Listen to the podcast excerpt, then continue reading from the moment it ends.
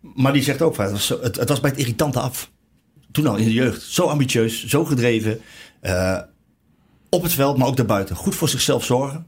Alleen maar omdat hij die, die droom had. Hij wilde de beste zijn. Hij kon heel veel geld verdienen overal. In, voordat hij naar Groningen ging, naar Werder Bremen en Fiorentina. Hij kon overal naartoe, Sevilla. Hè, onlangs kon hij nog naar China voor heel veel geld. Kon hij 42 miljoen verdienen. Ik geloof in drie jaar. Ja, klopt. Maar die eh, Milko Novakovic zegt ook van ja, hij wil, gewoon, hij wil alleen maar de beste zijn. Geld en status interesseren hem niet. Hij is gelukkig in Amsterdam. En hij wil alleen maar gelukkig zijn daar waar hij zit.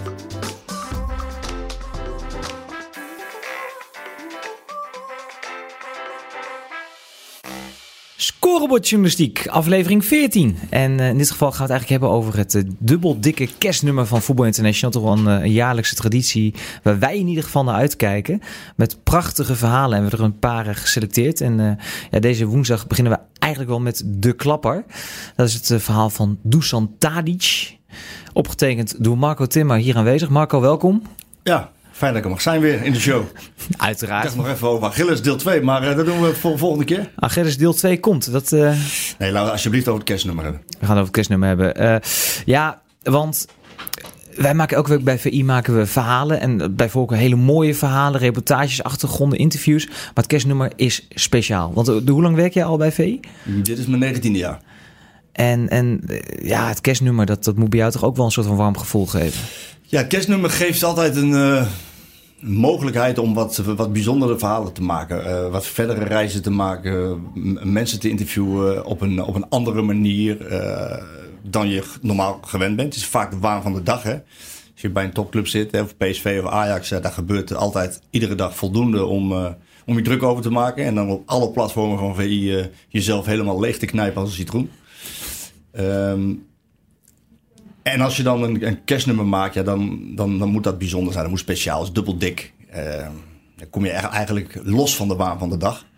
En dat zijn toch wel de mooiere, mooiere reportages, mooiere verhalen.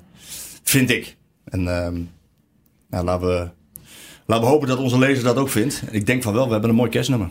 Ja, met, met altijd het achterhoofd van eh, hij ligt eh, twee weken in de winkel. eh, lekker bij het haardvuur. Even, even tussen de, de kerstdish door. Gewoon heel even lekker bladeren. Mooie verhalen lezen. De- kerstverhalen die jij geschreven hebt, heb je nog een paar in je achterhoofd die meteen nu naar voren komen? Nou, wat ik wel heel erg leuk vond, was een, een, een, onze man van het jaar, speler van het jaar, geloof ik twee jaar geleden. Mm, Drie jaar geleden, denk ik. Was Hakim Ziyech. Hij was toen nog in een periode dat hij wat moeilijker te, te interviewen was. Hij zat eh, lekker met zichzelf was hij bezig. Hij had de overstap gemaakt eh, van Twente eh, richting Ajax. Had Twente erin gehouden. En was onze man van het jaar. En ik wilde eigenlijk een, eh, een portret van hem maken. En dat heb ik ook zo bij Ajax neergelegd. En ook zo bij eh, de zaakwaarnemer van Hakim. En bij Hakim zelf. En die zei van, kom maar langs. En toen werd er uiteindelijk een interview van een paar uur op band. Waarbij, waarbij zijn hele loopbaan natuurlijk langskwam. Alle stappen die hij had gemaakt. Eh, er zat ook wel veel boosheid nog in. En veel woede over dingen die er gebeurd waren bij Herenveen. Dingen die er gebeurd waren bij Twente. Eh, over zijn Marokkaan zijn. Hè? Mar- Marokkaanse Nederlandse tegenstelling in de maatschappij. Ehm, en dat werd uiteindelijk een heel openhartig leuk interview. Waarbij we ook nog eens voor elkaar kregen dat, eh, dat hij meedeed in een fotoshoot. Met, met stijlvolle pakken aan en zaakwaarnemer erbij. En ja, dan werd het een, eh, uiteindelijk een hele mooie productie. Dus daar was ik wel heel erg blij mee en ook wel trots op. Ja, dat, dat, zijn die verhalen die, wat jij zegt, normaal het wat ja, minder makkelijk te produceren zijn. Nu ben jij Ajax-watcher. En jij kwam met het idee van, ik wil een, een, een roots maken. Dat zijn verhalenserie die jij in het verleden vaker hebt gemaakt. Waar je eigenlijk teruggaat kijken naar de, de, de geschiedenis van iemand. Waar komt iemand vandaan? Waar is hij opgegroeid? Hoe komt het dat iemand de profvoetballer is geworden die die nu is? De mens die nu is. Van Dusan Tadic. Want ik kan me voorstellen, laten we Joel Veldman pakken of Daily Blind de roots maken. Weet je, eh, in Nederland, eh, Nederlands contract, dat regel je even. Maar jij denkt, Dusan Tadic. Nou ja, eerlijk gezegd kwam collega Tom Knippingen mee. Eh, die had natuurlijk eh, ook gezien dat ik dat in twee jaar geleden gedaan heb met, eh, met Lozano. Herving Lozano ben ik naar Mexico gegaan. Je hebt echt een slecht leven eigenlijk, hè? Nou, nee. Nee. Als het op werkgebied aankomt niet. Dan heb ik een van de mooiste banen die er is. Oh, me. goed. Maar ja, dat was fantastisch om, om daar te praten met mensen over de jeugd van, van Chucky. Wat die jongen heeft meegemaakt. eh, hoe die van zijn uit, ja, met 11-jarige leeftijd uit huis is gegaan. En, en, en, en, sprak ik met Gutierrez, een goede vriend. Inmiddels bij PSV. Die, eh, die 1200 kilometer van huis was op zijn elfde. En de, de schrijnende verhalen die... Dat ze bij elkaar in bed kropen, weet je wel, als, ze- als ze het koud hadden. Want het Pachuca ligt wat hoger. Praten met technisch directeur, praten met Hans Westerhof, praten met zijn zoon Wout Westerhof, de trainer daar bij Pachuca. Ja, dan krijg je een. En praten met eh, zijn, schoonvader, met, met zijn broer. Dan krijg je een, een, een compleet beeld van eh, hoe die jongen is opgegroeid. eh, hoe die op het voetbalveld was. En waarom die eigenlijk zo goed is geworden. Ja, en dat wilden we ook met Dusan Tadic doen. Want laten we wel wezen, als we 2019 erbij pakken. eh, even lostrekken van de waan van de dag. Dan is 2019 voor Ajax een fantastisch jaar. Met de dubbel, met, met halve finale Champions League. Opnieuw imponeren in de Champions League in, in dit seizoen. En dat is Dusan Tadic, denk ik. Nou, laten, we, laten, we, bescheiden zijn, één van de grote smaakmakers. Misschien wel de smaakmaker, maar misschien één, ik kan beter zeggen één van de grote smaakmakers. Als je ziet wat hij heeft eh, gepresteerd cijfermatig. Ik las net, let nog eventjes de cijfertjes terug. Sinds zijn entree bij Ajax eh, is hij eh, in 84 eh, officiële wedstrijden betrokken bij eh, 87 doelpunten. Zo. Dat is echt heel veel. En eh, als, je, als je zijn spel hebt gezien vorig jaar in de Champions League. Dan, eh, en hij is nu aanvoerder. Dan weet je gewoon dat je te maken hebt met een klassenspeler. En dat straalt hij ook in alles uit. Dus ben je nieuwsgierig van ja. En we weten eigenlijk alles van zo'n jongen. Omdat hij interviews gegeven heeft. Maar we weten eigenlijk niets van zijn jeugd. Waar komt hij nou vandaan? Wie zijn zijn ouders? Hoe is hij opgegroeid? Ehm, hoe was hij als jochie? Maar- Eh, wa- was hij een leuke broer bijvoorbeeld? Was hij een goede vriend? Ehm, en hoe hebben ze trainers hem beïnvloed? Ja, we zijn, naar, we, zijn, Servië gegaan op een, op een wel bijzondere manier, mogen we wel zeggen. Ja, maar, maar dat, dat vind ik wel raar. Want ik bedoel, ik, ik schrijf ook, ik maak mijn verhalen. En, en het is vaak al moeilijk tegenwoordig, 2019, om een voetballer te interviewen. Vaak zit je met persvoorlichters bij clubs. Is het dan moeilijk om een afspraak te maken. Dan, eh, dan maak je een stuk, dan moet het naar de persvoorlichter toe. Dan gaat er vaak de rode pen nog doorheen. Niet omdat wij als journalisten iets verkeerds opschrijven. Maar dat zinnetje zou verkeerd uitgelegd kunnen worden. Of de knip- en plaksites zou het eruit kunnen halen. Dus eh, haal het er maar uit. Ehm, dus het is al moeilijk zat om gewoon een voetballer in Nederland te interviewen. En jij hebt een, een, een reis meegemaakt. Ja, ik, ik heb het verhaal gelezen. Ja, ik heb het in, in, die, in die ruim negen jaar VI nog nooit meegemaakt. Want eh, heel simpel, het begint met... Jij gaat naar Dusan Tadic toe op de toekomst... en vertelt dat je dit verhaal wil maken. Ja, En dan? ik, ben- het gaat één stap eerder. Ik heb het eh, aan de persverlichte communicatieafdeling van Ajax voorgesteld. En heb ze Lozano laten zien, als voorbeeld. En dan krijg je, want dat verhaal wordt natuurlijk geladeerd. Ik kan het mooi opschrijven misschien, maar het wordt mooier door de foto's die erbij zijn. Het zijn allemaal foto's uit zijn jeugd. Foto's van zijn ouders, foto's van familie, foto's van elftalletjes. Dat maakt zo'n verhaal leuk. En, en die waren enthousiast. En toen kon ik met Dusan gaan praten. Heb ik ook Lozano laten zien. En toen begreep hij wel wat ik, eh, wat ik van plan was. En toen hadden we eigenlijk een afspraak gemaakt op de toekomst om het verhaal door te nemen. Want zonder zijn hulp wordt het voor mij lastig. Ik kan, Je kent niemand. Nee. Je kent, je kent zijn, eh, zijn, zijn jeugdvriendjes niet. Je kent zijn ouders niet. Je, ik weet niet of je- jouw contacten in Servië ja, inmiddels vrij goed zijn. Maar voorheen niet goed zijn. Dus je moet wat. Ja. Jij spreekt met hem af. En eh, gek genoeg. En dat, ziet, dat tekent waarschijnlijk ook alweer meteen de professional Tadic. Eh, hij is te laat met een goede reden. Hij is te laat. En eh, dat, dat, klinkt ook door in het hele verhaal. De reden van, van zijn te laat zijn is hij, hij, vond zichzelf niet meer zo heel goed de laatste weken. Eh, hij wilde extra trainen voor zichzelf. Dus hij heeft, dat heeft hij eigenlijk zijn hele carrière gedaan. Maar hij heeft een afspraak met mij heeft hij eigenlijk laten schieten. Om, om zelf extra aan zijn, aan zijn conditie te werken, aan zijn lijf te werken, zichzelf goed te verzorgen. Want het is een op- en top professional waar iedere speler in Amsterdam een voorbeeld aan zou kunnen nemen. En ook dat wel gebeurt, denk ik. Niet voor niets ook de aanvoerder gemaakt eh, door Ten Hag. Eh, hij kwam drie kwartier te laat. En als ik ergens een hekel aan heb, is dat aan mensen die te laat komen. Want ik kom zelf nooit te laat. Nou weet je, in ons vak, dan moet je regelmatig wachten. Je moet zitvlees eh, hebben, geduld, daar moet je over beschikken. En dat, en dat heb ik wel, omdat ik weet van als het doorgaat, dan krijg ik een bijzonder verhaal. Dus het doel heiligt in dit geval zeker de middelen. Maar ik zei zo plagerig tegen hem van ja, eh ik, ben, ik ben mooi te laat, maar dan moet je me wel helpen, extra goed. Dus ik zat al klaar met mijn klapblok. Jij denkt namen, telefoonnummers. Rugnummers, ouders, familie, vrienden, ploeggenoten, ik wil alles hebben. En met, met erbij natuurlijk de hoop dat iemand meewerkt. Hè? Want je gaat in zijn privésfeer. Ja. Je duikt in zijn privéleven. Willen voetballers dat? Meestal niet. Nee, vaak niet. En eh, omdat ik Lozano wat laten zien, gaat er wel een beetje een president, werk ik vanuit. En ze hebben gezien hoe mooi het is. Het is met liefde opgeschreven en opgemaakt en mooi gemaakt. Om, om, een, ja, om een eerlijk verhaal te vertellen. En ja, en hij wilde meewerken en ik zei van, nou, kom maar door. Er zat een pen in mijn hand en hij, hij keek me alleen maar aan en zei van, ik uh, geef me je vluchtnummer maar, dan komt de rest wel goed. Ja, en dan moet je erop vertrouwen dat het ook goed komt. Ja, maar, Oké, maar dan, dan rij je weg van de toekomst. Dan heb je dat. Dan, dan kom je er thuis, zeg je dat tegen je vrouw. En dan stap je op een gegeven moment in een vliegtuig, Amsterdam.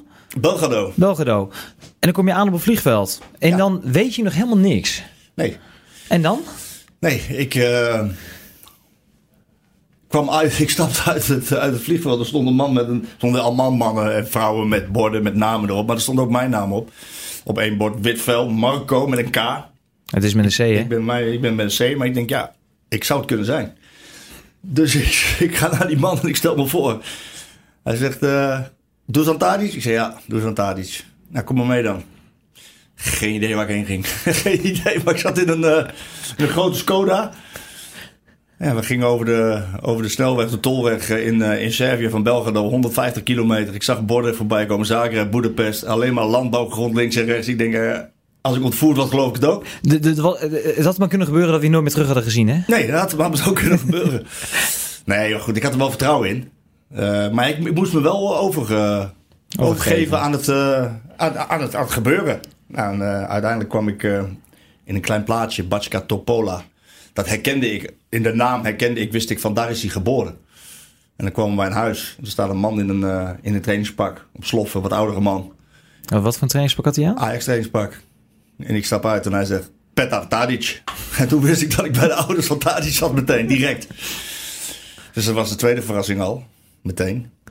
En binnen wachtte zijn moeder, Maria. En de derde verrassing was dat meteen een fles rakia op tafel kwam moest gelijk drinken. Ja, nu heb ik jouw verhaal gelezen. Dat, dat is, komt vrij vaak voor in die cultuur, hè? De drinken. Dat, uh... Het is een vorm van hartelijkheid en, en gastvrijheid. En helemaal, uh, deze mensen die spreken geen, uh, geen Engels. af en toe een woordje, dus je kan wel wat communiceren. Maar ja, het is een Servische cultuur van je bent, je bent mijn gast. En potverdrie, dat zullen we je laten weten ook. Met alle plezier en alle egaars word je daar behandeld. En, en ja, joh, je wil niet weten wat er op die tafel stond, joh. Broodjes zelf gebakken, taart zelf gebakken. Rakia dus, een etiket zonder fles, dan weet je het meestal wel. Uh, andersom, een fles zonder etiket. Zelfgebrouwen. Zelfgebrouwen. In dit geval van uh, Dunja, wat kweeperen betekent. Lekker zacht, maar ook sterk. Ja, is alles op tafel. Nootjes, broodjes, wat ik zeg, augurken. En een hele grote schaal vol met typische ham en worst uit, uh, uit Servië. En dat kwam toch van het bedrijf vandaan waar de, waar de vader van Tadic ongeveer 40 jaar heeft gewerkt. Hij heeft in de vleesindustrie gezeten. En, en ja, ik denk, ja, en nu? En toen ging de bel. En toen kwam de leraar Engels van het dorp uh, kwam binnen, had daar iets geregeld. en die was mijn tolk. Die ging vertalen. Dus dat was een hele, hele bijzondere start van een bijzondere reis. Wil je meer verdieping bij het voetbal? Ga dan naar vi.nl slash podcast en neem een abonnement. www.vi.nl slash podcast. Ja, en nu gaan we niet alles weggeven, want je hebt de meest bijzondere personen misschien uit het leven van Dusan Tadic uh, ontmoet daar. Ik wil er even, even eentje even snel uitpikken. Op een gegeven moment kom je een oudspeler van Willem II tegen. Ja, Hoe ging wel, dat? Dat was wel heel bijzonder. Uh, ik, heb, ik heb lang met de ouders van Tadic mogen, mogen spreken. Toen ging weer de bel. Toen kwam zijn allereerste trainer kwam binnen. Een uh, ja, een hele vrolijke, dikke zerf met een stem van een schorre grizzlybeer. Zo heb ik het ook opgeschreven. Ja. En die vertelde over, over zijn jeugd. En daarna, een dag later, kreeg ik nog een tour door het dorp heen waar ze hadden, waar ze hadden gewoond. De pleintjes waar toen ze had gespeeld. Het veld waar die, uh, ze had leren schieten. Uh, de school. Ja, toen gingen we naar, uh, naar Novi Sad, de tweede stad van Servië. Daar is hij op 14-jarige leeftijd is hij daar naar Vojvodina gegaan. En we stapten uit en ik wist eigenlijk niet zo goed wie ik daar ging ontmoeten. Maar ik had wel een vermoeden. Ik denk, ik ga vast een trainer ontmoeten die, die hem daar als eerste trainer heeft gehad. En we we stappen uit en ik, omdat het moeilijk communiceren was, ging het af en toe in het Engels. En ik, ik gooide er wat Nederlandse woorden tussendoor. En ineens gaat een raam open. En er komt een, uh, een man met zijn hoofd doorheen. Uh, ja, ik vond hem erg op Litouws. Lijkt een grote grijze lok, een grote bril. Dikke arm, gouden armband om. En die zegt tegen mij, hallo meneer. Dus ik kijk zo. En hij begroette de vader. Maar in het Nederlands dus? In het Nederlands. En hij begroette Tadic, vader Tadic, Petar. Heel, uh, heel hartelijk, we waren oude bekenden. Ik zei, u, praat Nederlands? Hij zegt, ja. Dat klopt. Ik heb vier jaar eh, onder de lat gestaan bij Willem II van 1976 tot en 1980. Iets van 140 wedstrijden gekiept. Deze man, Dragan Sarmajic. Ik kende hem niet, geef ik eerlijk toe. De fans van de tricolores wel, vermoed Ja, zeker. Ja, zeker. Die kennen hem heel goed zelfs. Ik geloof zelfs dat hij onder de lat stond bij de eerste uit derbyzege tegen NAC. Oeh, nak uit. Ja, dat goed. is wat. Ik weet, niet, ik weet niet of het helemaal klopt. Maar In, in, zijn, Ja. in zijn hoofd gold dat het in ieder geval zo. Zeker. Ja, precies. ik zei van, wat, wat, wat doet u hier? Hij zei, ja, ik ben de president van de club. ja, dat vond ik wel heel mooi. Dat was wel bijzonder. Kijk, dan moet je, je moet ook geluk hebben. Hè? Met zulke reportages gaat het vaak om van, oké, je hebt dan een idee van wat je wil maken en, en, en wie je wil spreken. Nou, in dit geval was het heel lastig omdat ik niet wist wie ik ging spreken. Maar in het geval van Lozano had ik wel, werd, ik, werd ik op sleeptouw genomen door de familie Westerhof. En dan heb je altijd een. eh, dan weet je van. Ze gaan je laten kennismaken met, met mensen die ertoe doen. Die, die, die in dit geval Chucky kennen. zij begrijpen ook dat Ja. jij dat verhaal moet maken en wat jij nodig hebt voor je verhaal. Exact. Maar je moet ook geluk hebben. Kijk, mijn geluk met Chucky was. Dat ik. eh, ik was geland in Mexico City. En. Eh, Hans Westerhof zou mij ophalen. En die kwam mij ook ophalen, maar met een hele grote Chevrolet. Een witte, zo'n SUV. Uit, echt weggereden uit Pablo Escobar, eh, de serie. Met chauffeur. En, en we rijden nog geen 10 minuten, 10 minuten van het vliegveld van Mexico City af. En er komen iets van drie van die andere grote SUV's om ons heen. Met van die zwaailampen, rood en blauw. Politie. Ze stappen met vier, vier, zes man, ik weet het niet meer, stappen ze uit. Hele grote schijnwerpers in die auto. Ramen moesten open, ik werd betast. Handen gingen naar mijn kont. Kijken wat ik allemaal in mijn broekzakken had. En dat was een soort eh, narco-controle. Ik dacht dat ik drugs had meegenomen uit Nederland daar naartoe of, of andersom. En Hans Westerhof die kijkt me dan heel, eh, heel droog aan eh, op zijn achterhoeks. Goh, die heb ik nog nooit meegemaakt. maar wij maakten het mee. En Dat dat waren is je eerste, heel- je eerste tien minuten in Mexico. dat is, dat is een mooi begin van je verhaal. En, en met meneer Samajic was dat natuurlijk ook. Daar moet je geluk mee hebben. Ja, ik kende die man niet. Maar die kwam wel door zijn, door zijn raam en hij zegt, jij bent mijn gast. Ik zei, nou, ik ga eerst met, met Patatadis mee. Maar hij zegt, eh, welk hotel zit je? Ik zeg, geen idee. Want dat wist ik niet. Eh, hij zegt, maar bel me. Ik zeg, ga vanavond met mij eten en dan gaan we praten. Ik zei, nou, dat is goed. En toen ben ik met, eh met naar binnen gegaan. En daar stond inderdaad de eerste trainer van Vojvodina. Een, een fantastische man. Geweldige man. Een, een vaatje buskruid. En, en, het, en het ontploft continu. Het ging zitten staan, zitten staan, praten met zijn handen, passievol, schreeuwen. eh, het was geweldig. In, in het Engels, steenkolen Engels, had ook nog wel iemand erbij die, die hem ook eh, assisteerde. eh, maar het was, het was waanzinnig. Het was echt geweldig om, om zo'n man zo liefdevol over Dusan te horen praten. En een van de leuke dingen die hij zei was van... Ja, ik kende Dusan, want we hebben met Vojvodina eerder gespeeld in Baska Topola. En daar heb ik hem gezien. En er was een mannetje. En hij wilde de bal hebben. En hij draaide iedereen dol. En dat had ik hem al gezien. En had ik ook na een half uur gezegd tegen mijn speler... Als dat ventje de bal heeft, dan moet je hem maar raken. En, maar hij was niet te raken. Zo, zo, zo goed was hij toen al. Hij zegt, maar toen hij bij ons kwam, bij Vojvodina... Ja, de, de eerste week heb ik een regel. Ik wil ze allemaal zelf aan het werk zien. Dus al die talenten die hebben we gescout. Die laat ik komen in de zomervakantie. En dan wil ik ze zelf een week aan het werk zien. En ik heb één regel. Ik wil weten waar ze vandaan komen. Wie zijn de ouders? Zeggen ze netjes goedemorgen. Hoe zijn ze opgevoed? Arm of rijk interesseert me niet. Maar ik wil goede jongens hebben. Niet, niet alleen maar goede spelers. Goede jongens. Maar die die zei niks. Die Dusan heeft geen woord gezegd die hele week. En eh, dat vond hij wel heel bijzonder. Maar hij zag wel dat hij goed kon voetballen natuurlijk. Maar zijn vader verklaarde later van... eh ja, Dusan moest heel erg wennen aan uit huis zijn. eh, weg vanuit zijn vertrouwde omgeving. Zijn vader heeft hem altijd begeleid. Het is eh, altijd stapje voor stapje gegaan. Niet te vroeg weggegaan. School heel belangrijk. Extra Engelse lessen volgen. En die jongen moest eventjes eh, in de gaten hebben dat deze meneer Brane Novakovic, Branislav Novakovic, dat dat zijn eigenlijk, eigenlijk zijn nieuwe voetbalvader zou zijn. Want Vojvodina ja, is weg van eh Batska Topola, waar hij vandaan kwam. En, eh, en toen, dat, toen dat eenmaal Dusha noemt hij hem heel lief. liefdevol. Dusha, Dusha. Dusha. Dusha. Toen Dusha in één keer in de gaten had van dat, dat, dat, dat, dat zijn droom mede vormgegeven zou worden door deze Brane Novakovic, was het goed. En ging zijn carrière in één keer als speer natuurlijk.